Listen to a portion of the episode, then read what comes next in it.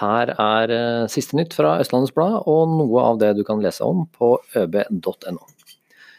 Butikken New Better Price AS i Ås er slått konkurs av tingretten. En tidligere ansatt krever nesten 100 000 kroner i ubetalt lønn og feriepenger.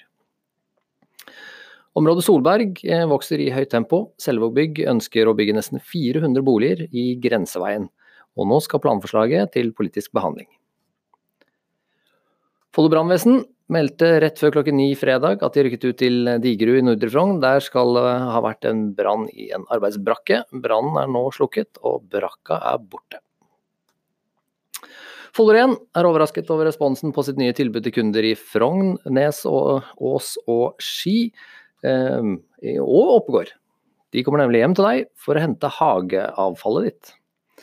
Og I går meldte ØB at det blir ny matbutikk og en direkte konkurrent til Meny på Ski storsenter. Vi har i dag snakket med Runar. 38-åringen er kjøpmann for den nye Rema-butikken i Ski, og forteller at de har et mål om å selge for 100 millioner kroner i 2020. Ordfører Hanne Oppdan hadde håpet å få på plass det etterlengtede busstilbudet på Villenga 1.7, men det prosjektet utsettes. De får rett og slett ikke tak i grunneier. 61 elever ved Follo barne- og ungdomsskole kan miste skolen sin, men eh, under et besøk torsdag så kom nyheten fra Høyre som kan endre alt. Og nok et vårtegn. Ski golfklubb lokker med fantastiske forhold, så dersom du driver med den sporten, er det bare å ta turen.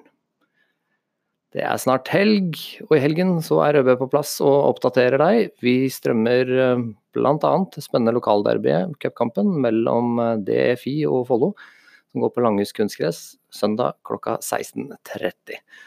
Siste nytt fra Østlandsblad fikk du av eh, Martin Gray.